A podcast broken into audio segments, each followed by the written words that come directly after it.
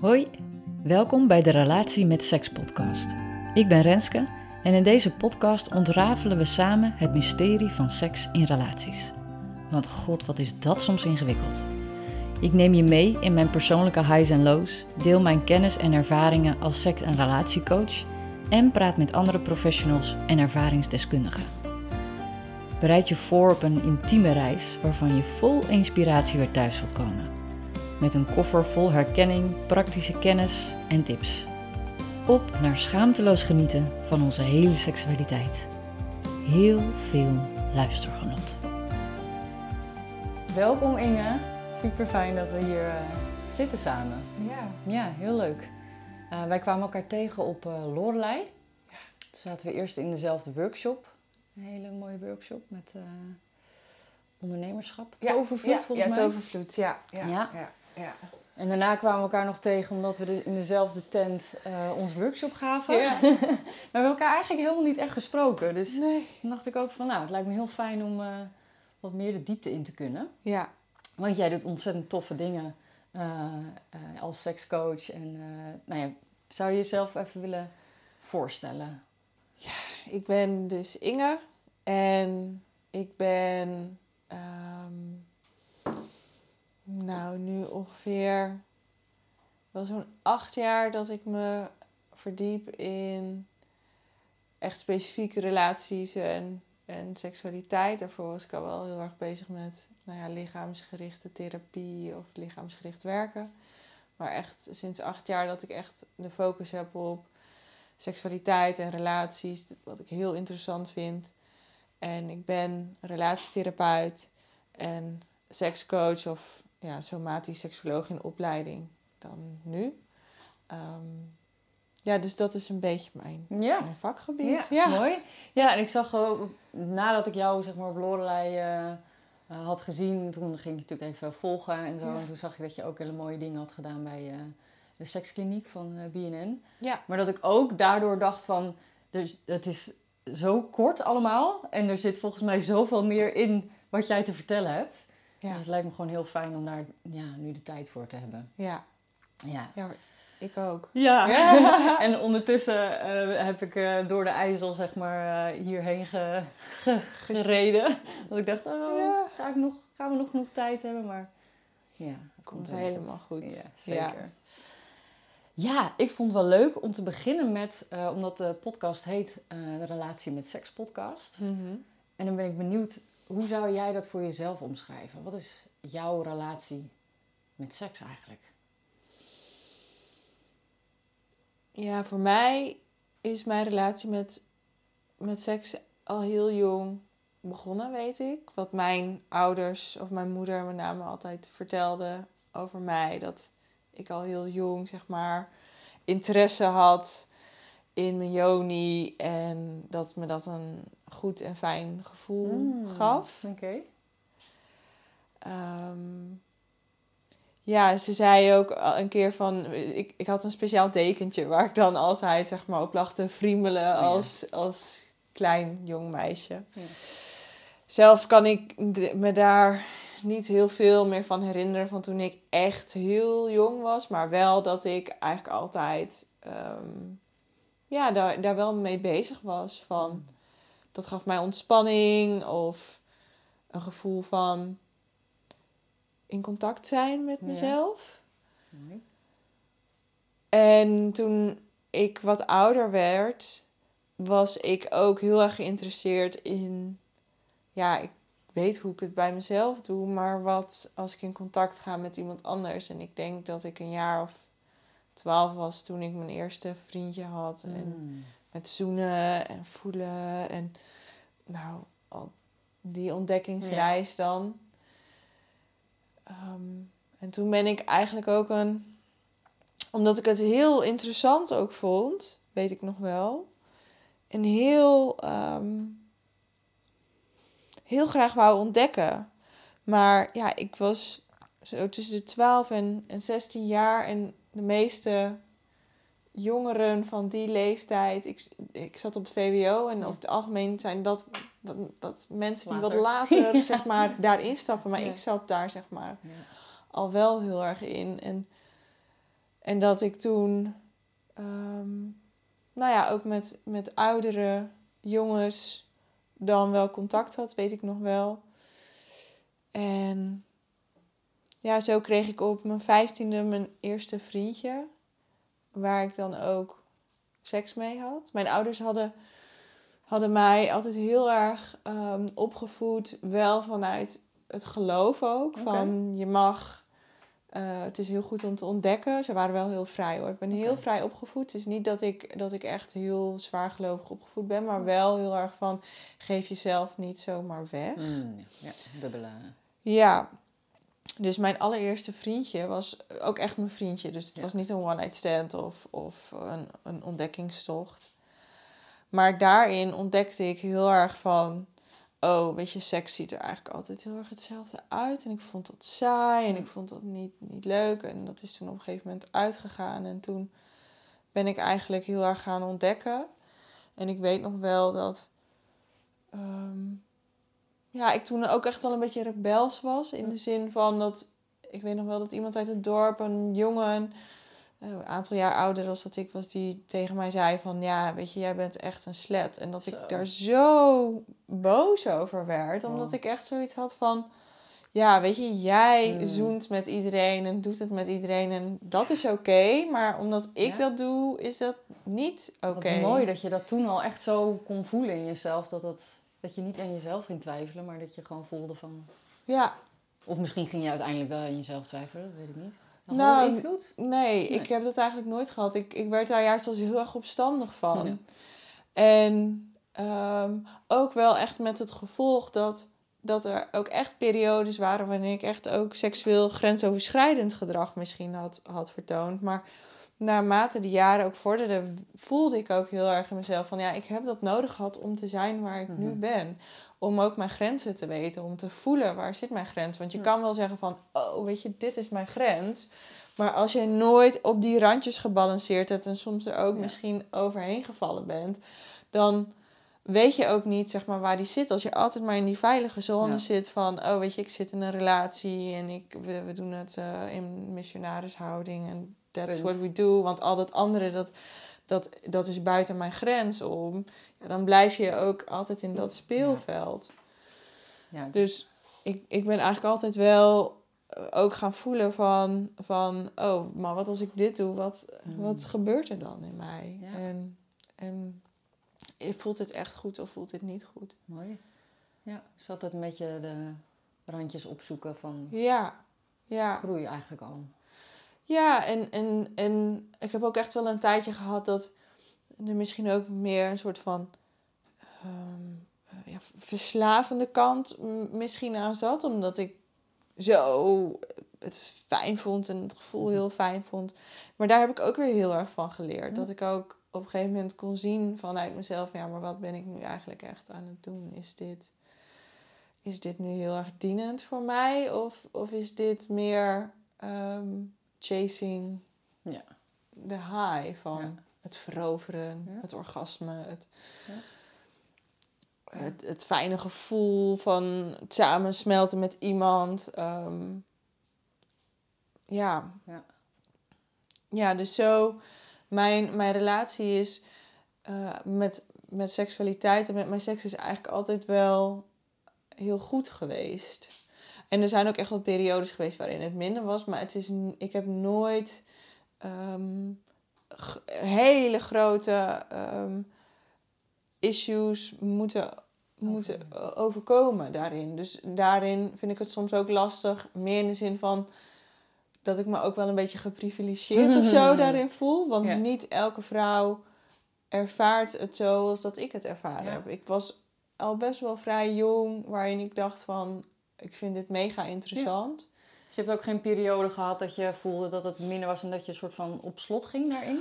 Ja, nou, ik heb wel in relaties, dat was telkens. En daarom ben ik op een gegeven moment ook naar andere vormen van relaties gaan, gaan zoeken. Omdat in uh, mijn relaties ik heel snel verveeld raakte op seksueel gebied. Was dat altijd na een bepaalde periode? Ja, was altijd na een bepaalde periode. En ik miste diepgang, ik miste...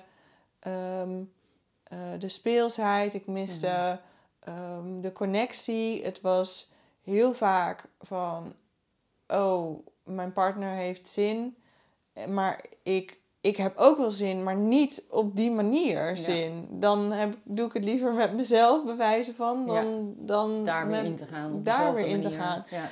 En heb je dat in deze relatie ook ervaren, die, die golf? Of was je daar al voor eigenlijk? Hmm, ja, we hebben ook wel golven gehad waarin het, het minder was, de intimiteit. Alleen, nee, niet minder de intimiteit, minder dus, dus de seks was minder. Omdat, ja, je hebt een kind en het leven. Hoe lang zijn jullie bij elkaar? Vijf jaar zijn Ja. we nu bij elkaar. Ja. En op de momenten dat je dan voelde dat je dus hè, dat, het, dat het meer richting op slot ging, dat je eh, saai vond en eh, minder plezier. Ja, hoe, ziet dat, hoe zag dat er dan uit? Hoe zien die momenten er voor jou uit? Nou, we hebben net ook weer een periode gehad waarin het ook wat, wat minder ging. Want, nou ja, met gewoon heftige dingen die, die er gebeurd zijn. In de zin van de ziekte van mijn moeder, zorg om ons kind. Ehm, ik die gestopt ben met mijn baan in loondienst. Dat zijn allemaal heel veel dingen die in één keer heel erg op je afkomen. En, en ik ben heel erg geneigd, iemand die in de neiging van angst dan schiet. Waardoor het sowieso, ik voel dat het minder stroomt. Mm. En ja, dan, maar ik voel dan een, een, een ander verlangen. Ik voel dan meer de, de verlangen naar intimiteit in Mhm. plaats van seksualiteit. Ja. Van ik wil me gedragen en geborgen voelen en ik wil geknuffeld worden en ik wil gestreeld worden en ik wil aangeraakt worden. En, ehm, ja, en dan zit je partner wel op een ander level die, die daar misschien wel zin in heeft. Of, Mm. en ja, dan moet je eigenlijk een soort van meeting point daarin vinden. En dat was voor het eerst in onze relatie dat het echt even heel lastig was. Omdat er zoveel op ons afkwam in een paar maanden tijd. Dat, ehm, ja, dat er wel intimiteit ook was en ook wel seksualiteit. Maar dat we ook tegen elkaar zeiden van... Nou, dit is niet echt zeg maar zoals dat wij het gewend zijn. Mm. En ja, wat wij dan normaal gesproken eh, altijd doen, is dat we dan weer meer gaan focussen op tantrische oefeningen samen doen. Ja. Maar doordat het zo druk is geweest de afgelopen tijd, is daar ook gewoon geen ruimte voor Ja. geweest. Dus wij zijn nu net weer, zeg maar, ik ben nu net terug van mijn laatste retreat. En dat we ook echt tegen elkaar gezegd hebben van... joh, weet je, dit is wat we gaan doen. En dat, dat is misschien een heel ehm, ehm, ge- gepland Mhm. ehm, iets. Mhm. Maar ik heb dat ook geleerd in de tantraopleiding. Juist het plannen daarvan. Ja. Dat, soms is het nodig om vervolgens wel weer in een bepaalde flow samen te komen. Met Je hebt gewoon die tijd nodig samen, je hebt die kaders nodig. Ja, Ja. En is dat dan altijd, eh, want dat is, ik bedoel, jij weet natuurlijk heel veel vanaf en je hebt daar al heel veel groei in meegemaakt, maar op de manier waarop je daar nu mee omgaat, is dat een heel groot verschil met hoe je dat in vorige relaties deed? ja, dat is echt een heel groot Ja? verschil. Wat is het grootste verschil? Nou, ik denk dat het grootste verschil is, is dat ik een, een partner ook heb die, die zich ook kan openen daarvoor. Ja. Die ehm, als het niet gaat of niet, niet leuk gaat, dat hij niet lekker loopt, dat hij eh, het ook kan ontvangen, Hmm. het zelf ook ziet, het zelf ook voelt, Hmm. er zelf ook bij kan. Maar ook een partner die ook zijn eigen verantwoordelijkheid neemt over zijn eigen stukken. Ja. En daarvoor hoef je niet per se eh tantrisch te zijn of ook seksoloog of, of sekstherapeut of whatever. Maar wel een bepaalde mate van openheid Ja. bezitten en een zelfreflecterend Ja. vermogen. Wat ik heel erg miste in mijn eh, andere relaties was dus inderdaad dan op een gegeven moment de neediness en de Mm. grabbing van ja, maar ik voel dit en ik heb Ja. daar recht op misschien, de, Mm. die gedachte daarachter. Ja. Of ehm, zeggen dat er begrip is, maar vervolgens vreemd gaan of, Oh ja. of dat soort dingen. Ehm, ja, bij ons is gewoon alles bespreekbaar. Ja.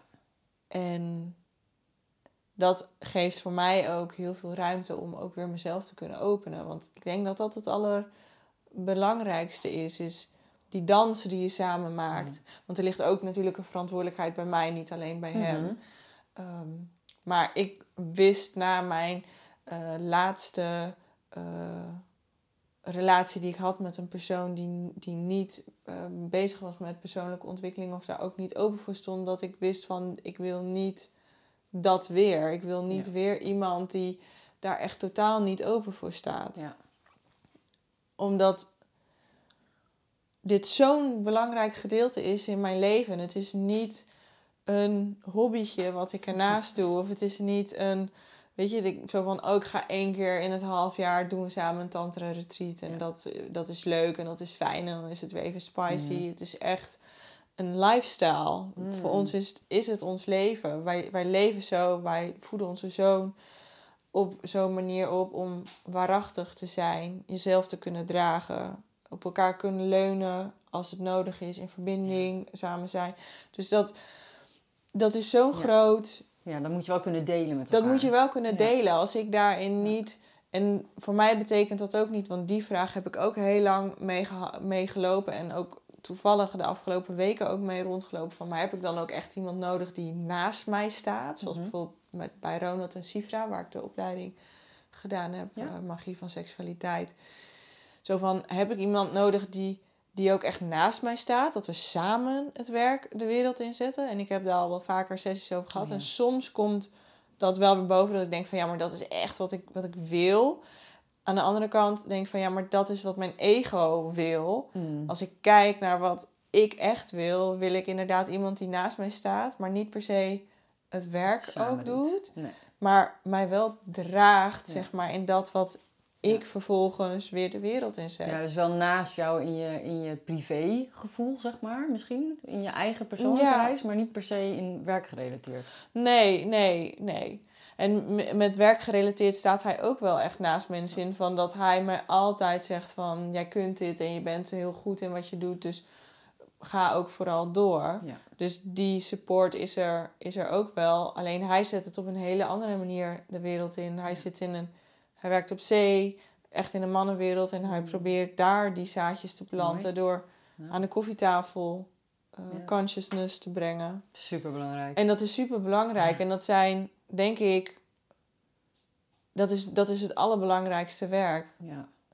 Want vanuit daar bewegen langzaam mensen ook dan weer door om vervolgens wel de stap te zetten om richting een mij of een jou of Ronald en Sifra. Of, Ja, hebt allemaal dan verschillende ja, laagjes om daar iets in te doen natuurlijk. ja. Ja.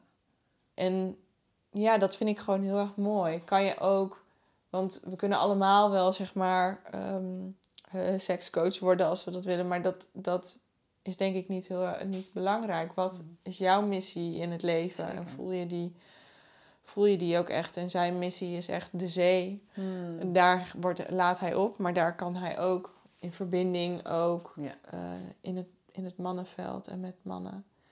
En Mooi. vooral dit zijn echt, nou ja, weet je, zeebonken. Dat Ja. zijn natuurlijk wel echt Wel die heel gesloten zijn.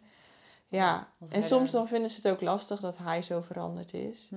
Maar toch, ehm, ja, als ik dan hoor wat hij allemaal deelt daar met hun. En hoe deze mannen ook af en toe zich langzaam openen, vind ik dat Mm. toch wel heel, Zo waardevol. heel waardevol. Ja. Ja, ja, dus ieder zijn eigen reis daarin en wat je wil brengen en wat ja, hij eh, wil delen daarin. ja. Mooi hoor. Ja, en voor mij is het ook telkens van wat is, weet je, wat is nou echt mijn verlangen? En wat, wat is dat wat ik in beelden voor ogen heb? Ja. Of wat meer vanuit ja, het stukje ego komt van, maar dat is wat, wat ik wil. En, en ehm, Want wat is jouw eh, verlangen? Of wat is jouw visie, zeg maar, als je het hebt over eh, de relatie met seks die we als, als maatschappij hebben, zeg maar? ja. Ja, als je het echt in één, één zin zou moeten zeggen, dan zou het Probeer het eens. Ja, dan zou het voor mij echt zijn van seks is toegankelijk voor iedereen. Oké. Ehm, dat, ik, dat mijn grootste verlangen is dat seks voor iedereen toegankelijk en prettig en fijn is. Op wat voor manier het er ook uitziet. er zitten nu zoveel. Er zit zo ontzettend veel trauma. En collectieve, collectief trauma, intergenerationeel trauma, eigen trauma. Als je kijkt naar seksualiteit, dat ik echt soms ook denk van wow. Het is zo'n beladen onderwerp. Ja. En niet alleen. ehm, niet alleen op, op, op het gebied van. eh, als je kijkt naar hoe de mainstream media er ook Mhm. mee omgaat en hoe het in de mainstream eh, neergezet ook wordt. En waar men wel door probeert te breken, zeg maar, door openheid Mhm. over thema's. Wat super mooi is, want die openheid is nodig. Ja. Maar daarnaast zit er in die complete openheid ook weer het gevaar van dat alles maar Ja. oké of zo moet zijn. ja, dat is heel dubbel, hè? En het is zo'n fijngevoelige laag ook Ja. weer. Van wanneer is het oké, maar, maar wanneer schiet je in, in een traumastuk? En, Ja. en, en wanneer doe je het echt embodied Ja. vanuit jezelf? En dat is telkens ook, zeg maar, als ik naar retreats toe ga... of als, als, als, als wij eh, spelen in het veld van het open relateren... dat van wanneer, wanneer doe ik het echt omdat ik met iemand diepgang opzoek... Ja. Of wanneer ben ik inderdaad eigenlijk gewoon reageer ik vanuit mijn trauma, Ja. vanuit onveilige hechting of Ja. van ehm, Iets willen hebben. iets of- willen hebben ja. of, of eh, dus inderdaad je gezien en geliefd Ja. voelen omdat je dat eh, van andere partners niet gekregen hebt, omdat je iemand ziet. Die is je de doet- waarheid nou echt, ja, hè? wat, is, je- wat is die waarheid daar nou in? En soms dan moet je Hm. daar ook voor op je bek gaan om dan, nou wat ik zei, van om dan te ontdekken van fuck, ja, ik reageerde echt vanuit een oud stuk, vanuit trauma. Nou ja, en mag dat dan ook? en dat, dat mag, dat mag ja. zeker. En dat is, dat is ook helemaal, helemaal niet. ehm, dat is ook helemaal niet, niet erg. Alleen Ja. het belangrijkste is wel, gaan we het, gaan we het ook, ook zien met z'n allen. Want ook in het tantraveld, het kan super mooi zijn en vrije seks en vrije liefde en eh, ehm, eh, je, je seksualiteit omarmen. Het is, het is heel mooi. Maar wanneer wordt het een, een modus of, Ja. een, of een imprint van jezelf van oh, ik ben zo vrij en oh. En dan is het niet meer echt eigenlijk. en dan is het niet Nee. meer authentiek. Ja. En ja, en dat zie ik ook wel veel in die scene gebeuren. Van, oh, we zijn allemaal zo vrij met elkaar en, en alles in seksualiteit Ja. is oké, maar mag je ook grenzen hebben? Maar ja, dan kan het dus alleen... Dat is, dus de, de acties zelf zeggen eigenlijk niks over de intentie, zeg maar. Dus, nee. dus je kan niet zeggen... eh, open relateren of, of seks met, eh, met anderen kunnen hebben is, is goed of de oplossing. Nee. Maar dat hangt helemaal van je eigen intentie af natuurlijk. Ja, Of waar je vandaan komt, of waar jouw groei zit, of ja, wat je waarheid is. ja. En hoe ervaar jij dat eh, eh, nu? Want je zei ook van ja, in, voorheen merkte ik dat ik op een gegeven moment op een punt kwam in een relatie van het wordt te saai, zeg maar. Ja, Hoe is die reis verlopen? Dat je voelde van nou, misschien gaat het over een andere relatievorm dan. ja ik ben ehm, in de, de laatste relatie, dus niet de relatie die ik nu heb met Max, maar ook niet de twee relaties die ik daarvoor nog heb gehad. Maar de laatste relatie waarin ik dus zat met een persoon die ehm, niet eh, bezig was met spirituele ontwikkeling of met zelfontwikkeling of hoe je het maar wil noemen, eh, ben ik op een gegeven moment eh, kwam ik erachter dat hij vreemd ging en in plaats van hem te confronteren dacht ik ik pak jou terug, ik ga ook Mm. vreemd. Dus dat was Mm. echt niet, dat was not conscious. Toen zat ik al in de tantra wereld, maar het Mm. was zo, oh weet je, er zat zoveel Het deed iets met je. het deed echt iets met me. En ehm, ehm, ehm, ik zeg het ook wel vaker. Ik, ik vind het heel lastig om gekwetst te worden. Ja, ik denk iedereen Mhm. vindt dat lastig. Ik ben, ehm, ik ben maar één keer echt gekwetst, zeg maar, in, eh, in, in, in relaties. Mm. Dat ik me echt, dat ik echt heel erg het ook echt binnen kon laten. Want met deze partner die vreemd ging, toen dacht ik, fuck you, Oh, ja. dacht ik. Ja. Ik ga, dus meteen kwam dat mechanisme Beweging. omhoog. Dus toen ging ik ook vreemd. En ehm, eh, toen hebben we ook nog besproken, want ik, toen zei ik van nou, weet je, het gaat niet goed. En toen ging ik al vreemd. En toen hebben we nog een tijdje het ook open gehad. En toen ging ik, ging ik nog, weet je, toen werd het alleen maar wilder. En, en, en met nog meer mannen. En ik ben zelfs, zeg maar, met dus een ex van mij. Mm. Heb ik ook nog, eh, eh, heb ik weer opgezocht in die tijd. En dat ik op een gegeven moment echt dacht, maar waar, waar de fuck ben ik mee bezig? Dit is echt gewoon Hmm. zo niet oké. Was er een, een aanleiding voor dat je dat besef ineens had? Nou, het was, ik was op een, op een date, was ik toen. En ik zei tegen hem van, oh, ik ben met... eh, want we hadden dan een soort van open relatie-achtig iets. Alleen... Dat was na het vreemdgaan kwam er wel een open relatie. Ja, ja. En, en toen, zei, toen zei, eh, zei ik van, oh, maar de, de regels waren zo vaag. Mm. En toen zei ik van, ik ben aan het drinken met ehm, wat mensen van dansen. Want toen, toen danste ik nog, eh, danste ik nog in, een, in een team.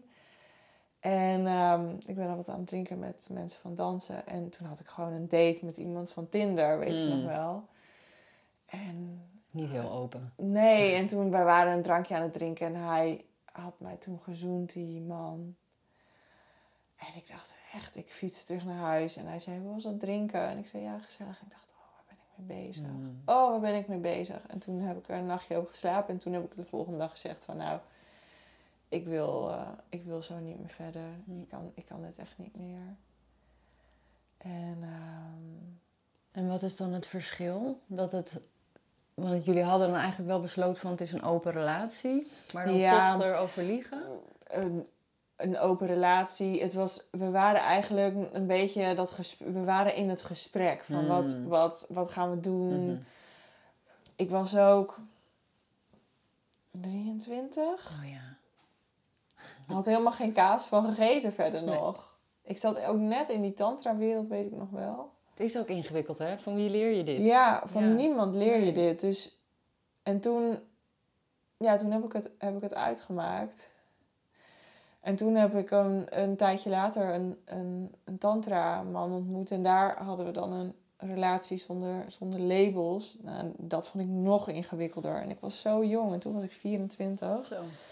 En ehm, ja, ik was echt... Dat is dus iemand die mij heel erg gekwetst Mm, heeft. Want ik was echt heel erg verliefd op hem. Echt heel erg. En eh, heel veel mensen zeiden ook van... Oh, jullie zijn zo mooi samen. En oh, dat was Mm. echt heel pittig. En ik zag echt een toekomst met hem. Ook in de zin van elkaar vrijlaten. Maar het was alsnog niet een vrije relatie. Mm. Want het was ook weer van ik ga met iemand, ik neem er geen verantwoordelijkheid voor. We, we triggeren elkaar de tent uit. zo. En in plaats van dat we met die triggers zijn, gaan we vervolgens weer met anderen. om- ja, om er van weg te gaan. Om er van juist. weg te gaan Ja. en elkaar nog meer te kwetsen van ja, ik heb er vijf Oh, gehad en jij hebt er Oh. drie gehad. Oh, weet je dat heel erg? En dat je dan ook echt denkt van, Mm. oh, dit is echt helemaal, dit is ook niet authentiek. Dit Nee. is ook niet oké. Nee, dus niet liefdevol, maar meer Nee. een soort wedstrijd. eh. Ja, het was gewoon echt een wedstrijd. En, nou, en toen heb ik een, een tijdje, ehm, was ik even klaar mee. En toen, voordat ik Max leerde kennen, was ik met een man. En die had een relatie ehm, met een andere vrouw. En ik was zeg maar de derde persoon. En dat, was, wauw. dat was zo fijn. Oh, dat was... Dat goede was, timing voor jou. ja, maar dat was heerlijk. En dat vond ik ook echt heel fijn. Het, het niet hebben van een bepaalde verantwoordelijkheid. Ja, ik Mm. had wel verantwoordelijkheid, maar het was echt van... Ik hoefde niet mee naar eh, familiefeestjes. Ik hoefde niet, weet je, ik hoefde zijn vrienden niet te ontmoeten. Ik hoefde, hij hoefde mijn vrienden niet te ontmoeten. Toevallig is dat wel gebeurd. Dat was Mm. heel grappig. Wij liepen samen op Noorderzon. En in één keer kwam ik allemaal mensen tegen. En hij zei ook, jij kent ook iedereen. En iedereen zei, oh, jullie zijn ook een leuk stel. En we waren ook echt een heel leuk, leuk stel. Ook al Ja. waren we niet echt een stel. Maar, Ja. ehm, Dat is En- een relatie dan ontdaan van al die relatie-etikettes of zo. ja, ja en, en het was ook heerlijk. Want ik, we bespraken ook zeg maar de dingen van... Ook als ik bijvoorbeeld iemand dan weer ontmoet had... en daarmee op date was geweest. En dat kon ik met... Hij was mijn, mijn, mijn, mijn beste vriend plus, zeg Mhm. maar. Ja, en dat was... Je gaat er helemaal van stralen. Ja, nou, ik vond dat echt heel fijn. Want Ja. ik had dat ook echt nodig. En wat maakte het dan zo fijn? Ja, omdat ik toen op dat eh, punt had ik wel een buddy nodig. Ja. Of iemand waar ik me veilig bij voelde. Maar Ja. ik wou niet per se die relatie in. Ja. Of, of ik had wel een relatie Ja, met hem, maar niet... Wat is dan het gedeelte wat je dan niet wilde? Nou, ik, ik wou gewoon niet eh, ook al die ingewikkelde familiedynamieken die er dan bij komen kijken. Ik wou, of hoefde ook, ik vond het ook heel fijn, want zijn vriendin hoefde ook niet per se alles. Het was niet dat wij in een driehoek zaten, Nee. dat ik ook nog verantwoordelijkheid richting haar constant Nee. moest afleggen. Ik was echt gewoon. Eh, Vrij eigenlijk. vrij. En Ja. als wij samen waren, waren we samen. Dan waren de telefoons weg, dan waren we echt samen. En ik wist ook altijd van hem van, nou, weet je, hij komt ook weer terug. En dat vond ik ook heel fijn, want ook als hij niet terug zou komen, dan, dan zou hij dat tegen mij zeggen. Ja, dat is veilig. En dat was heel veilig. En ik had dat echt nodig. Nou, en toen ontmoette ik Max en daar was ik gewoon op slag verliefd op. En toen gingen wij nog met elkaar. En toen hebben we wel gezegd van, hebben we het seksuele gedeelte, die man en ik hebben dat losgelaten. En we hebben best nog wel een tijdje contact ook gehad. Dus voor, voor mij op een gegeven moment toen ik echt met Max ging, maar toen heb ik ook tegen hem gezegd, ik wil monogaam beginnen.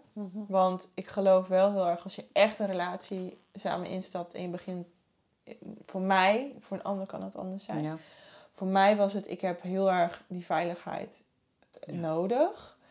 En vanuit daar kunnen we wel eh, gaan openen. En ehm, ja, dat zijn we toen gaan doen. Ik denk, we zijn vijf jaar samen nu.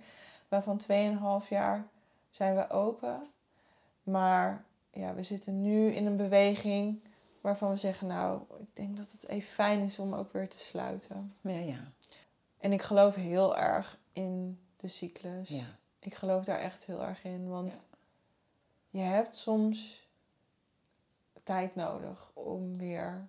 Wat is onze grond? Zeker. Ja. Waar staan wij met z'n tweeën? En vooral als er zoveel eh, beweging ook is. De afgelopen jaar is er heel veel beweging buiten de relatie geweest. Hmm. En buiten onze relatie om. En ons construct is ook heel erg van wij, wij zijn elkaars partners. Ja. We hebben wel geprobeerd met, ehm, nou ja, ook dat los te laten. Zo van, omdat ik zoiets had van laten we alles omarmen wat er is, maar ook dat loslaten van het niet ehm, ehm, meer samen, maar bijvoorbeeld dan ook een derde of dat die net zo in diezelfde Mm. rang staat. Of, Ja. En nee, dat, dat vond ik echt heel onprettig en dat bracht voor mij heel veel onveiligheid ook omhoog. Ja, mooi dat je daarin kan experimenteren. Ja. Dat je jezelf even de ruimte geeft om te voelen wat Ja, past. En Ja. dat verandert dus ook gewoon steeds. ja. Dus wat nu werkt, eh, werkt over een jaar weer niet. Ja. Of, ja. Ja, en over vijf jaar kan het ook weer heel erg anders zijn. Dan kan je ook zeggen van, nou, weet je, ik, wij willen dat wel weer eens proberen. Alleen voor nu voelde ik dat we zoveel experimenten hebben gehad. En zoveel ehm, daarin eh, gezocht hebben van, oh, weet je, gaan we ehm, met een koppel de diepte in? Gaan we apart van elkaar de diepte in? Eh, ga ik een relatie aan met een andere man? Ja of nee? Ja, dus Ja. dat, dat is gewoon heel veel. En op een gegeven moment, ook doordat er heel veel ook nog in mijn privé en ons gezin ook gebeurde, dan is het ook heel makkelijk om te gaan zeggen van, oh weet je, want die contacten daarna zijn vaak leuk, nieuw ja. en spannend. Niks, eh, geen verantwoordelijkheden. Geen, geen verantwoordelijkheden, dus dat is ook. Ja. En dat je daar dan ook in gaat verliezen, omdat je de realiteit Ja. van het dagelijks leven ook niet. Ja, dat is weer die waarheid dan, hè? Ja. Of zo. Ja, Dan doe je dat dan om ergens van weg te gaan of dat het makkelijker is. Ja. Ja. Ja, en ik voel hem gewoon heel duidelijk ook. En we hebben het nu al een paar keer tegen elkaar uitgesproken van... Wij willen, wij willen graag de diepte in weer met z'n tweeën. Ja. Omdat de diepte nu... ehm, nou, ver te zoeken vind ik een groot woord. Want ik, er zit heel veel diepgang bij ons alle twee. Ook als we in verbinding zijn. Maar het moet... De, de wegen moeten onderhouden weer even worden. Als ik even met een... eh, Ja. ehm, Een metafoor. ja, in, in de metafoor prop. Ja, mooi hoor, hoe, daar, eh, hoe je daar echt die eh, hele zoektocht Ja, in, samen ook hebt. Ja. Dus. En daar gaan jullie gelijk in op. ja nou soms niet en soms wel. Eh, Max heeft ook wel veel gedaan het afgelopen jaar. eh, zon, apart van elkaar. Dit, wij zijn samen, hebben we wel een kansje skink. We zijn in het begin van het jaar een beetje samen, samen ge- gegaan. En toen zijn we een beetje vanaf de zomer ehm, elk onze eigen weg. Zo van even ook apart van elkaar Mhm. dingen doen. Ook qua persoonlijke ontwikkeling. Maar ik merk doordat... Ja, dat... Ik vind dat op een gegeven moment lastig worden. Ik Ja. merk dan, oh weet je, ik leer hier zoveel. En ik wil dat heel graag delen met mijn partner. En dat kan dan niet, want die is er nu niet bij. ja. En soms heb je dat ook nodig om even apart van elkaar ook te ontwikkelen. Ja. Maar ja, Ja. ik, voor mij het meest waardevolle wat ik tot nu toe ook ooit gedaan heb, is dus inderdaad bij Ronald en Sifra. Hmm. Ik vond dat gewoon magisch en eh, ontzettend verbindend. Heeft voor mij echt een, voor ons echt ook een wereld geopend in onze relatie van wat, ehm, wat is voor ons belangrijk en wat is ons verlangen. Ja, en dat is toch echt wel waarheid ook. En daarin steeds weer opnieuw te voelen. Ja, In ieder moment ja. opnieuw in eigenlijk. ieder moment Ja. opnieuw. En telkens ook vanuit die waarheid dan in te tunen. En dat vind ik ook het mooie van onze relatie. Wij nemen het niet vanzelfsprekend dat wij, zeg maar, tot ons zestigste samen zijn. Wij zijn telkens in. Dus het voelen van eh, wat, is, wat is dienend. Ja. En ik heb, ehm, nou ja, echt de afgelopen twee maanden gevoeld van... Wil ik nog verder met deze relatie, ja of Mm. nee? En daarin ook heel waarachtig geweest van... Ik heb ruimte nodig om dat te onderzoeken. Ja. Wil ik nog verder? Ja. Zoals dat het nu is? Of moeten we er een hele andere vorm aan geven? En de conclusie is voor mij toch echt geworden van... Nou, ik wil heel graag verder met jou ehm, in de relatie. Mooi. En, Ja. en dat, dat wij nemen het nooit vanzelfsprekend. En dat hebben we eigenlijk ook telkens. En dat, dat deel ik ook heel vaak op, op social media. Van, het is zo makkelijk om in in een soort van zelfsprekende Ja, modus te komen. Is dat dan ook de grootste valkuil, denk je, voor een langdurige relatie? Ja, ja. ja, ja. En wat is dan de grootste, eh, hoe zeg je dat? Eh, tip of zo? Voor het grootste geheim voor een, als je het werkend wil houden? Poeh. Gooi hem er even in. Ja, dat is wel een hele. eh, hoe je het werkend wil houden. Ja, ik, ik vind eerlijkheid wel gewoon heel erg belangrijk. Alleen er is een verschil tussen radicaal eerlijk zijn Mm. zonder daar echt een filter overheen Ja. te hebben. En je Ja. dus een ander dus kwetst. Of Dienend eerlijk. Ja, of dienend eerlijk inderdaad. Van wat, wat, is, wat is dus inderdaad mijn, mijn diepste gevoel, mijn, mijn, mijn deepest truth. Ja. En ehm, ja, dat is ook. We doen veel inquiry ook samen. En daarin kom je dus ook. eh, Kom je in die, kom je in die laag van Ja. wat, wat is het, diep, het diepste in mij, het diepste verlangen. En ik denk ook door, mijn da door het dagelijks leven dat, je ook, dat ik ook verward werd van wat, wat wil ik nou? Wil ik nog in deze relatie? En wat Of- bedoel je dan met het dagelijks leven? nou, de sleur, Hmm. ehm, eh, alle heftige dingen die er gebeuren. Het amper ruimte hebben, zeg maar, Ja. voor elkaar. Ehm, Een beetje doordenderen in de... ja, routines. dat, ja, want het is zo makkelijk, omdat dat de wereld is. De Ja. wereld is gewoon, de wereld als zich is al traumatiserend. Ja. Als je opstaat en dan die telefoon weer hebt en je ziet dat je 30 eh, eh, privéberichten hebt op Instagram en, en, en, en, en 20 WhatsAppjes van, eh, van, van mensen en, en werkmail. En weet je, zo beginnen de dagen al met van. Dus je wordt eigenlijk Ja. opgeslokt ook door, door die telefoon, door, door de laptop, door eh, alles behalve zeg maar zijn met dat wat is en Ja. die vertraging ingaan. Want vertraging in deze wereld kennen wij Ja. vertraging niet. En om dan nog te voelen van wat wil ik eigenlijk en wat En- willen we eigenlijk? Ja, Ja. dus nou ja, en dan heb je ook nog een kind die ook aandacht vraagt. Mhm. Dus Ja. ja, dat is gewoon heel Veel. eh, heel veel. Ja. Ja, dus, dus dan denk je op een gegeven moment van de relatie is saai. Want, want het is elke dag hetzelfde. En de En wereld dus- draait door. En de wereld draait door.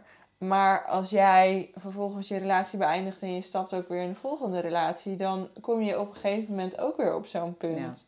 Omdat je, je kan niet, dat zeg ik ook altijd tegen, tegen mijn klanten en tegen, ehm, ehm, tegen mensen die op, op, op een workshop komen. Je kan niet forever in die honeymoon fase zitten. Nee. Dat kan niet. Ook als je biologisch gezien kijkt, ook niet. Dat Nee, kan gewoon, niet. Nee, want dat, je systeem kan het ook gewoon niet aan. Want die fase is echt alleen maar seks, samen zijn, in bed liggen. Ja. eh, je- Geen ruimte voor andere dingen. Geen ruimte voor andere dingen. Dus Nee. ja, en, en dat, dat is eh, in het begin is dat, dat heel fijn. Alleen als je dat voor de rest van je leven zou hebben, dat is voor je systeem echt niet goed Nee. ook. Je hebt ook andere input nodig. En ja, dus, dus mijn besef was ook heel erg van, maar wat wil ik nou? Ja, ik wil echt gewoon ehm, die diepgang met één persoon. Mhm. Want ik geloof, en dit is echt een statement die ik maak, die misschien voor sommige mensen controversieel zou zijn, maar ik geloof er gewoon niet in dat je, je kan best diep gaan met iemand één keer. Maar Mhm. echt, echt de diepte in, echt zeg maar de, Mhm. die dark in en, en ook al die ugliness aankijken. Dat, dat, dat kan eigenlijk alleen maar met iemand die, Ja. waar je langer mee in Ja. relatie zit. Daarom is het ook zo ingewikkeld. Ja. Een relatie, omdat al die shit dan gewoon omhoog komt Ja, en gezien wil worden. ja, Ja. En daarom is het ook heel mooi natuurlijk. ja. Juist. Ja. En heel helend.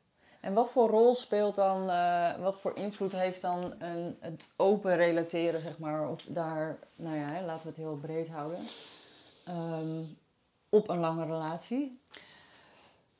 Ja, toen wij daarmee begonnen was het ook meer zo van, oh ja, weet je, omdat je denkt van, of je denkt, ik had zoiets van, nou, ik weet niet of ik dat kan. Ik ben snel uitgekeken op, op iemand en eigenlijk is het bij ons ook een beetje, het is gestart bij ook meer toeval, wel met samen, samen dat we in een setting Mhm. kwamen waarin dat gestart is. En daarin was het ook gewoon heel erg zoekende. Ja. Heel erg zoekend van wat, eh, wat, wat willen wij, hoe, wat voor vorm willen we eraan geven. En om heel eerlijk te zijn, is het soms ook wel geweest van, oh, het is spannend en sexy. En dat gedeelte ook uitnodigen Mhm. van, ja, dan zat er misschien niet heel veel diepgang in, maar was Mhm. het ook meer gewoon, nou ja, seksueel en leuk. En ja, dat we ook met z'n tweeën daarna gewoon, nou ja, net als wanneer je wel eens op stap gaat of eh naar een In de high. feestje, dan zit je echt gewoon even in zo'n zo'n vibe. En toen op een gegeven moment, toen, ehm, ja, toen is er iets gebeurd waarin we wel echt de diepgang ook ingegaan zijn. En dat vond ik ook wel heel bijzonder om te voelen, maar ook om dan te voelen van hoe kan ik mezelf openen voor iemand, maar daarnaast ook nog mijn eigen partner hebben en daar ook van houden. En, en wat, maar wat betekent dat dan? Het is, het is echt ook een soort van onderzoek haast. Ik voel mijn, mijn leven in het open relateren voelt eigenlijk gewoon als een studie. Ja. Ja, Nou. zo van Ja. Oké, ehm, maar wat gebeurt er als ik met die... En, en het kan ook, het gevoel kan ook zo in één keer over zijn. Vind ik ook altijd heel bijzonder. Dat ik denk van, wat maakt het dan, zeg maar, dat... Waardoor het in Waardoor ik-. Ja. Waardoor ik in eerste instantie iemand heel erg leuk vond. En dan vervolgens als ik uit het retreat stap of uit, eh, uit die verbinding en weer thuis ben, dat ik dan denk van, Wat was dat? wat was dat? Oké. dus Geeft gewoon heel veel informatie voor je persoonlijke groei eigenlijk. Ja. Of je, Ja, het geeft, dat geeft het ook. En, dat is, en het, hoe- het gek is, soms heeft het ook helemaal niet eens iets met, met seks of zo te maken. Mhm. Het is ook niet dat ik altijd maar met de mensen waarmee ik in verbinding ben geweest ook seks heb gehad. Het kan soms ook zo zijn dat je een oefening met iemand doet en daar is helemaal niet sprake van aanraking. Maar dat is zo orgasmic of zo... Oeh, dat je denkt van... what happened here, weet je wel? En dat je dan dus ook weer een soort van input voor jezelf hebt van, oh, maar seks is ook niet alleen maar dat met wat wij kennen. Ja. En, en nou, dat is eigenlijk ook wel haast een soort van missie van mij. Van, seks is zoveel meer dan Piemel en vagina. piemel en vagina. en dat orgasme. Ja. En ja, orgasme is, blijft voor mij toch nog altijd wel een, een belangrijk, of een belangrijk iets. Maar Mhm. you can be orgasmic, zeg maar, terwijl je... Kijkt naar iemand. Ik kijk naar Ja. iemand, maar ook bijvoorbeeld in de auto zit en iets ziet gebeuren Mm. waarvan je denkt, wow, dat ziet er vet uit. En dat, dat gevoel heel erg. En ik heb gewoon ook echt wel eens gehad dat, dat ik echt dacht, oh, jou wil ik. Ik wil jou. Ik wil gewoon seks met jou. En ik vind jou echt super geil. En ik voel het in mijn lijf. En dan heb je seks en dan is het, Oh, kut. was dat het? Ik heb hier zo naar uitgekeken. En dan was eigenlijk, als het gewoon het moment eerder gestopt was, dan was het super mooi geweest. En dan Mm. super vervullend voor Ja. jezelf en voor Ja, heel interessant, hè? Ja, zo interessant. En, en dat als zich, dat, dan denk ik van, en dan komt ook een soort van mijn inner wetenschapper, mijn inner Mhm. nerd. Ik heb een hele tijd ook eh, onderzoek gedaan. Dat ik denk van, oh, ik wil dit Hoe kan onderzoeken. dit? Hoe kan dit? Ja. Hoe kan het, zeg maar, dat ik bij die dat voel? En hoe kan het dat ik dan bij die dat voel? En dat bij één iemand dat ik daar bewijzen van zou kunnen voelen van, voor jou wil ik ernaast hebben, naast Max, voor de rest van Mhm. mijn leven. En bij een ander denk ik na één keer al van, nou, oh, Genoeg. oh, genoeg. Ik, Ja. ik wil je nu uit mijn veld hebben. Ja. en dat vind ik ook al gewoon heel Mooi. interessant. En dat ook die shifts zo verschillend ook zijn. Ja. ja, het doet mij denken aan wat Emily Nagoski in, in, de- in haar boek ook schrijft over Ja. die verschillende, volgens mij drie eh, aspecten die dan meespelen als je ver- voor verlangen, zeg maar. Dat dat Ja. ook gewoon zo'n belangrijk onderdeel is van je Ja, genot. ja. En als het dan daadwerkelijk gebeurt, dat het dan dus gewoon ja, kan tegenvallen. Ja. dat dat verlangen eigenlijk veel belangrijker was. ja. Ja. Hoe, hoe belangrijk is seks eigenlijk? Nou, het was vroeger voor mij echt heel belangrijk. Mhm. Of s- ja, wat is seks ook? Hè? Dat, Goeie de- vraag. oeh, Ja, dat vind ik ook weer zo'n Ja. vraag van wat is seks? Maar als we echt even hebben over hoe de maatschappij aankijkt tegen seks, van dus inderdaad eh, de, het, de piemel in de vagina of, of het beffen of, of het pijpen of het vingeren aftrekken, zeg het, dat kader zeg Mhm. maar. Dan was het vroeger heel belangrijk voor mij. Dan was het echt van, oh, weet je, dat, dat heb ik nodig of dat is wat ik wil. En na de geboorte van mijn zoon is ook mijn seksualiteit gewoon heel erg veranderd. Want ik heb een vaginale bevalling gehad. Dus dat doet iets met je. Mhm. Ook als je niet een vaginale bevalling hebt hoor. Want ik zie genoeg vrouwen die ook een keizersnee hebben. En hun hele seksualiteit verandert ook. Dus het krijgen van een kind is gewoon een... Ja, echt een rite of passage. Is jouw seksualiteit definitief veranderd daardoor? Ja, Op Ja. wat voor manier dan? Ja, nou dat als je echt even heel erg kijkt, zeg maar echt naar puur fysiologisch gezien en puur naar hoe eh, dat, dat zeg maar allemaal daarvoor was, was ik heb nu een- een, verzakking. Daarvoor kon ik ook squirten, zeg maar. Dat kan ik nu. eh, en er komt er wel heel veel vocht, maar niet echt vochtvrij. Dus, dus daarin zitten gewoon verschillen. Maar het heeft voor mij ook wel eventjes geduurd om... Ik heb daar echt wel om gerouwd. Want ik ander lichaam, weet je, wat meer. Ik heb een buikje, mijn borsten hangen iets meer. eh, ja, mijn, mijn joni ziet er ook echt anders uit. Want ik heb eigenlijk altijd mijn joni goed kunnen bekijken van onder. En nu, weet je, voelde het de eerste keer dat ik het zag, zei ik van ja, ze ziet er een beetje zielig uit. Het hangt wat en het is allemaal niet meer. Dus Hmm. Ja, en dat vond ik gewoon heel erg lastig. Totdat ik op een gegeven moment daar, nou weet je, je gaat ermee werken. Om, het is mijn werk en het is mijn grootste passie. Het is alsof je zelf ook opnieuw geboren wordt als Mm. vrouw. En alles opnieuw moet ontdekken. Maar nu voel ik heel erg van, ja, ik zou niet weer terug willen. Want ik voel me echt ook empowered. Ik hou heel erg van, eh, van mijn Joni, hoe ze, hoe ze is. Ze is veel fijngevoeliger Oké. Veel fijngevoeliger. Ik hoef niet ook meer per se die. Vroeger hield ik heel erg van heel harde seks ook. En, en echt dat hele wilde. En kon het mij juist niet wild genoeg. En nu is het echt van nee, het moet zachter. Het moet... En dat is ook. Mijn man die zegt dat ook altijd. En laat zei dus uh, iemand dat ook nog tegen mij van... Oh, je bent zo zacht. Ja, ik voel echt ook dat, Hmm. dat ik dat ben sinds ik moeder ben. ben ik, er zit natuurlijk Een dat, andere dat- energie of Het zo. is een andere meer. energie. En, Hmm. en ik voel ook veel meer eh, dat ik soms ook helemaal penetratie niet nodig ben om, ehm, om me vervuld te voelen. Mhm. Om me orgastisch te voelen. Om me seksueel te voelen. Ja. Om, ja, die energie te voelen. Ik heb dat niet meer nodig. Ik had, eh, vroeger had ik echt gewoon daar, kon ik dat alleen eh, voelen als ik, als ik in contact was met een piemel in mij. En nu is het bijvoorbeeld ook al dat, ja, weet je, nou, ik neem even v- afgelopen week was ik in een retreat en, en eh, ja, met, met die man die zat, we keken elkaar aan en het was zo intens en ik vind dat soms ook nog heel eng, maar dat ik ook echt dacht van, wow, weet je, dit is, it's like having sex, Mm. maar we hebben helemaal geen seks en super vervullend was dat. Ja, dan was het daarna ook klaar. Bedoel je dat? Of niet? Of blijft Ja. het dan... Nou, het, het, het, was, het was klaar in de zin van. En daarna was, was het voor mij klaar. In de zin, ja, hoe leg ik dat even uit?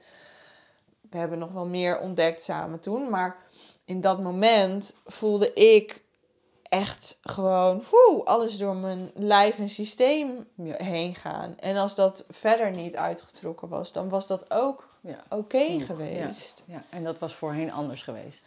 En dat was voorheen anders geweest, want dan was ik echt aan het chasen, zeg maar. Dan was ik echt zo van, oh, ik wil die man. En soms va- val ik ook nog wel eens terug in zo'n patroon. Van, ik wil die man of ik wil de seks en ik wil dat. En ik kan het ook met mijn man soms ook gewoon nog hebben.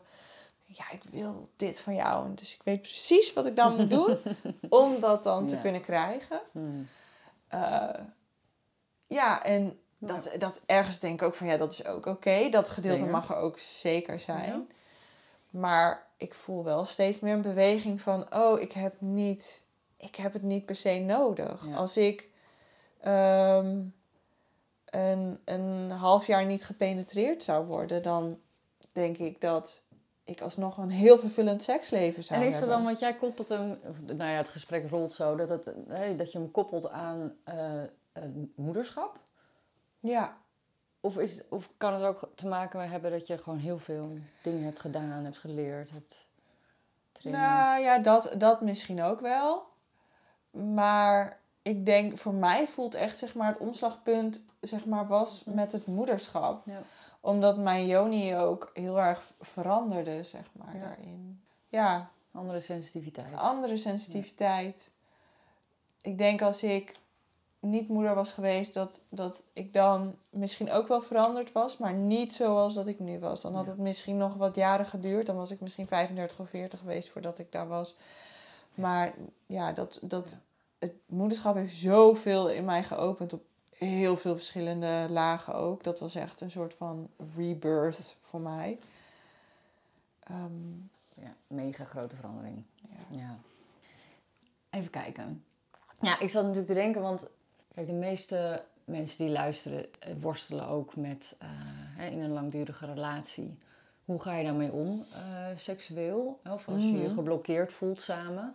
Heb jij nog een, een specifieke tip die je zou eh, willen meegeven? Dat je zegt, ja, dit is wel... Of vanuit je eigen Ja. ervaring of vanuit je kennis? Nou, het is, het is zo wanneer je in een langdurige relatie zit dat ehm, ik zou echt niet tegen iedereen zeggen van nou ga een open relatie eh, doen. Nee, sommige Be mensen. careful. Ja, sommige mensen zijn daar wel, ehm, kunnen dat wel Hmm. en anderen kunnen dat niet. Het heeft in mijn optiek ook niets te maken met jaloezie. Want dat hoor je als je echt Mm. kijkt zeg maar, naar wat ik de seksologen vaak hoor zeggen. Laatst was er ook weer een seksoloog die dus eh, ook had gezegd... ja, voor een open relatie moet je vooral niet jaloers zijn. Nou, dat vind ik bullshit, want ik ben ook Ja. wel jaloers.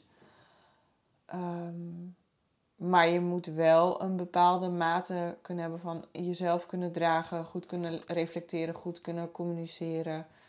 Ehm, als je het echt zeg maar op meer die laag gaat kijken. En ik geloof dat daar ook nog weer een laag onder moet zitten van je moet dus inderdaad goed in verbinding met elkaar kunnen blijven. Je moet je kunnen openen voor wat is het, wat is het grotere doel hiervan. Ja. Ehm, dat is mijn visie er een beetje, een beetje op. Want anders blijf je, ehm, blijf je op die laag van oh, het lekker seksen. Wat hmm. aan de ene kant oké is, maar aan de andere kant zie ik ook heel veel mensen die dus inderdaad naar swingersfeest gaan, veel drugs gebruiken, veel. Heel... Dan verlies je alsnog elkaar. Dan verlies je alsnog elkaar. Ja.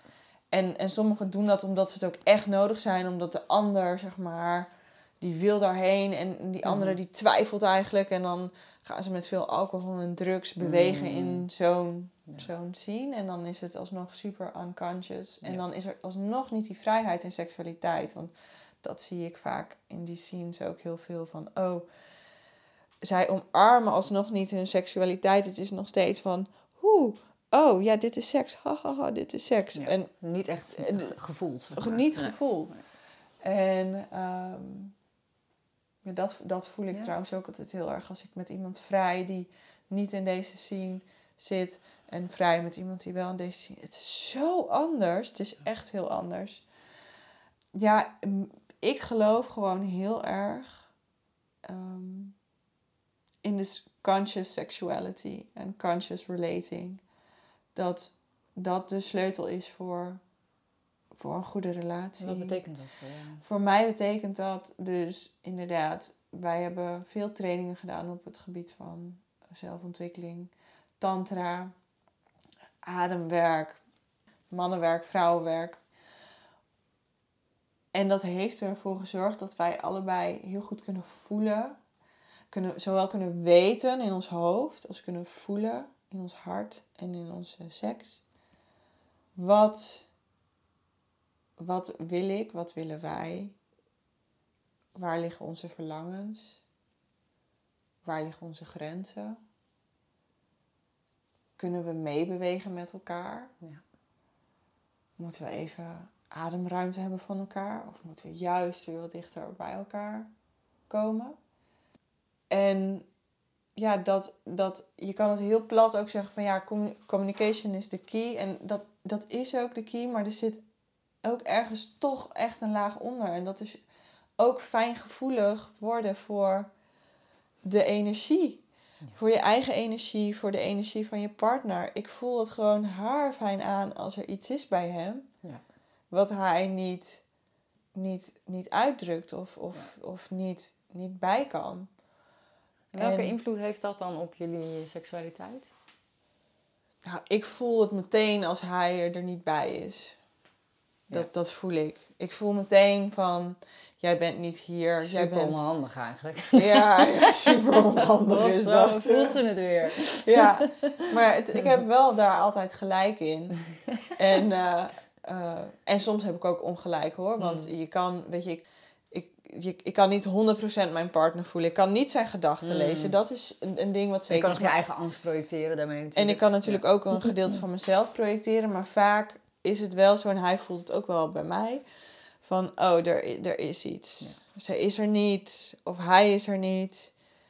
Of ik ben met boodschappen bezig. Dat gebeurt, uh, gebeurt zelden. Maar ik kan wel soms dan voelen van... Oh, ik word een beetje angstig. Want dat is mijn groot ding van... Oh, dan word ik angstig om zo iemand intiem bij me te hebben. Hmm. En dan verlies ik ook een beetje daarin Ehm, de verbinding. En voor hem is het heel erg van, doe ik het wel goed? Ben ik wel goed bij? En dan voel ik dat. En juist als hij in die awkwardness misschien zou blijven, dan, weet je, dan opent zich weer een nieuwe laag. Het is haast net als een soort van, ehm, ik vind ui vind ik niet een, maar als je dan echt mensen die veel met energie hebben gewerkt, je hebt gewoon die laagjes van, oké, nu zak je in dit laagje. Oh, mm. hier voelt het een beetje dense awkward. Ik merk dat ik in die laag zit. Oké, ik ga ermee zijn. Oh, hmm. nu breek ik weer een laagje door. kom ik weer dieper. Oh, hier zit nu ruimte en spaciousness. Oh, dit is lekker. Oh nee, er zit toch nog een laagje weer Hmm, onder. Nou word ik verdrietig. Nou word ik verdrietig. Ja. Ja, oké, daar beweeg ik dan doorheen. Ja. Daar open ik mezelf dan voor. En zo, en dat allemaal tijdens de seks, dan ziet het er heel anders uit. dan ziet het er heel anders uit. Ja. Ja. ik zeg ook altijd wel heel vaak van... ehm, onze seks ziet er ook niet... Ik denk niet dat het een hele leuke pornofilm zou zijn. Nee, vinden we, vinden we dat er eh, meer realistische seks moet komen Ja. op de televisie? Ja, ja, ik denk niet dat het, dat het heel... eh, dat, opwindend is. op, op, Ja, nou, het, het is Verbindend in, het meer. is, in het moment is het wel heel opwindend, maar het is, het is niet per se dat je denkt van, oh, weet je, dit is eh lekkere, keiharde doggy-stijl. Nee. eh. En soms is dat er ook, maar dan hebben we doggy-stijl en dan wordt er in één keer ook iets aangeraakt in mijn joni dat ik denk, oh, brr, oké, stop. Mhm. Dan gaan we weer liggen en in, in de vertraging. En, ja, dus het is, het is heel, heel bijzonder, maar het is zo fijn. Ik, ik heb mij nog nooit zo bevrijd daarin ook gevoeld met een partner. Waarin alles welkom is. Dat is wat je iedereen gunt. Ja, ook mijn Ja. boosheid en mijn verdriet. En zijn boosheid en zijn verdriet. En zijn onzekerheid en mijn onzekerheid. En Hmm. ja, doe ik het wel goed? Ja, je doet het goed. Of nee, je doet het niet goed. Zou je dit anders willen doen? Ja, mag dat Ja. er ook zijn. Ja, Ja, ja zonder afwijzing. zonder, de, zonder de afwijzing inderdaad. Ja. ja, want dat is natuurlijk wat we constant meekrijgen van de afwijzing. Maar ook het beeld wat er van seks is. Van, oh, seks hoort er zo uit te zien. Mhm. Seks hoort eruit te zien als... Ja. als Nou, ik zou het wel een heel interessant experiment vinden eigenlijk. Als je echt zou laten zien hoe seks er zeg maar anders uit zou zien. Ja. Wat zou dat voor effect hebben? Ja. Ja, en, en ik denk dat dat voor heel veel mensen wel heel fijn kan zijn. En ik zou soms ook echt willen uitnodigen naar inderdaad, zo wat Ronald en Sifra dan bijvoorbeeld doen, maar gewoon ook met z'n allen van laten we eens een keer een, een cirkel of zo doen waarin we intimiteit met, met elkaar als partner beleven en dan dat ook kunnen witnessen, zeg maar, van Mhm. anderen in die ruimte van oké, maar dit gebeurt er bij hen en dit gebeurt er bij ons en oké, en dan niet van oh, nu gaan we swingen met elkaar Mhm. of zo, maar Nee. echt van Ja, die processen ook die gewoon processen gewoon er te laten zijn. Ja. En zo kunnen leren van elkaar. Van zo eh, ziet intimiteit en seksualiteit eruit. En, en dat is... Ja, dat is gewoon ook echt een zoektocht. En de ene keer is het zo, en de andere keer is het zo. It's like ever changing. Het is echt dat medicijnwiel. Het is altijd, zeg maar, dat. Maar vooral als we in die winter zitten... en als we daar een lange tijd zitten met z'n allen... van nou, we voelen elkaar niet... En mm, ik wil graag die winter eigenlijk een soort van openbreken. Zo van, weet je, we hebben geen, geen zomerseks, dus echt de Mhm. penetratieseks. Maar die winter kunnen we dan op het veld gaan zitten van het energetische. In plaats van Ja. Helemaal dichtklappen en Helemaal het meer- helemaal niet meer doen, Ja. zeg maar. Ja, en, en je voor elkaar afsluiten ook. Ja, en ook je voor Ja. elkaar afstaan, maar kan je ook daarin openen van, oh, kan, kan je ook de pleasure in de, in de pain Hmm. voelen. Ja, en dat zou ook echt, ik word er ook een beetje emotioneel van, want ik zou het echt elke vrouw gunnen om ook in die pijn ehm, de joy, zeg maar, te kunnen voelen. Of je daarvoor te kunnen openen in ieder geval van, oké, ik zit nu in dit proces. Ja, laat het maar komen. Kan ik mezelf ervoor openen? Kan ik mezelf openen voor deze pijn die ik nu voel? Kan ik me ervoor openen dat het niet lukt? Wat gebeurt er dan? Ja. En wat, wat maakt jou emotioneel daarin? Nou, omdat voor veel vrouwen is het zo van. Veel vrouwen ervaren pijn Hmm. op het gebied van seksualiteit. Niet meer kunnen ontvangen van een man, letterlijk of figuurlijk. Of zich gewoon helemaal afgesloten voelen, hun seksualiteit gewoon niet meer voelen. En ehm, er zit zo'n beeld, zeg maar, in van: oh, ik heb geen libido meer. Ja, ik doe het niet goed. En ik doe stuk. het niet goed. En terwijl ik dan juist zie van, ja, maar eigenlijk zit je precies waar je zijn moet. En, en kun je dan inderdaad jezelf ehm, daarin dragen, maar ook dus je openen voor ik, ik voel het niet meer. En wat, wat zit daar echt? Waarom kan je jezelf niet openen?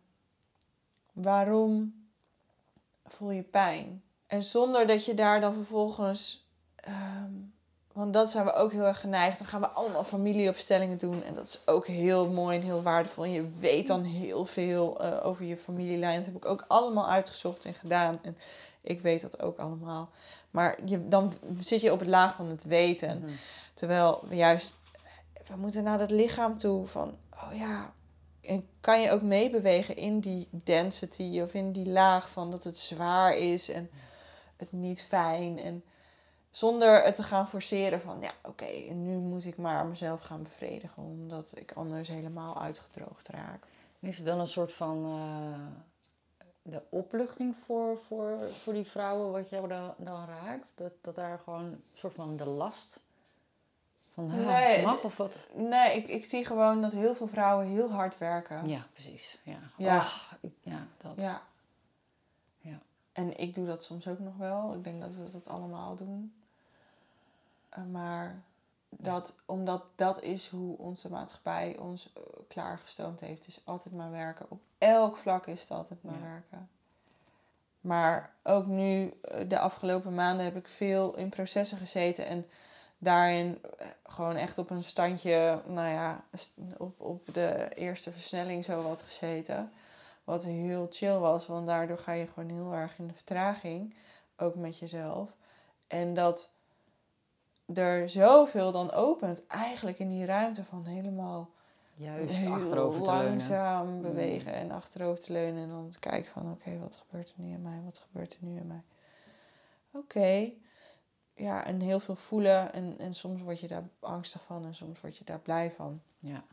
En, en dat, En daarin liefdevol te blijven. Of zo. Ja. Dat is het misschien ook. Dat het een soort van compassie ook voor ja, jezelf. ja, Waar je zit. ja dat, dat, het, dat je het ene moment in een hoekje ligt te huilen van, oh, ik wil niet meer. En het andere moment, eh, zeg maar, iemand bewijzen van aan het spanken bent of zo. En dat je dan denkt, oh, dit is, dit is so much joy. Weet je wel, dit is echt heel, heel leuk. En dan Mm. samen in die facetten of zo, dan smelt dat ook weer samen. En dan, dan kom je, nou, wat ik zei over dat laagje dieper, kom je dan ook weer, dan breek je ook weer wat door. Oké, en nu zit ik daar. Ja.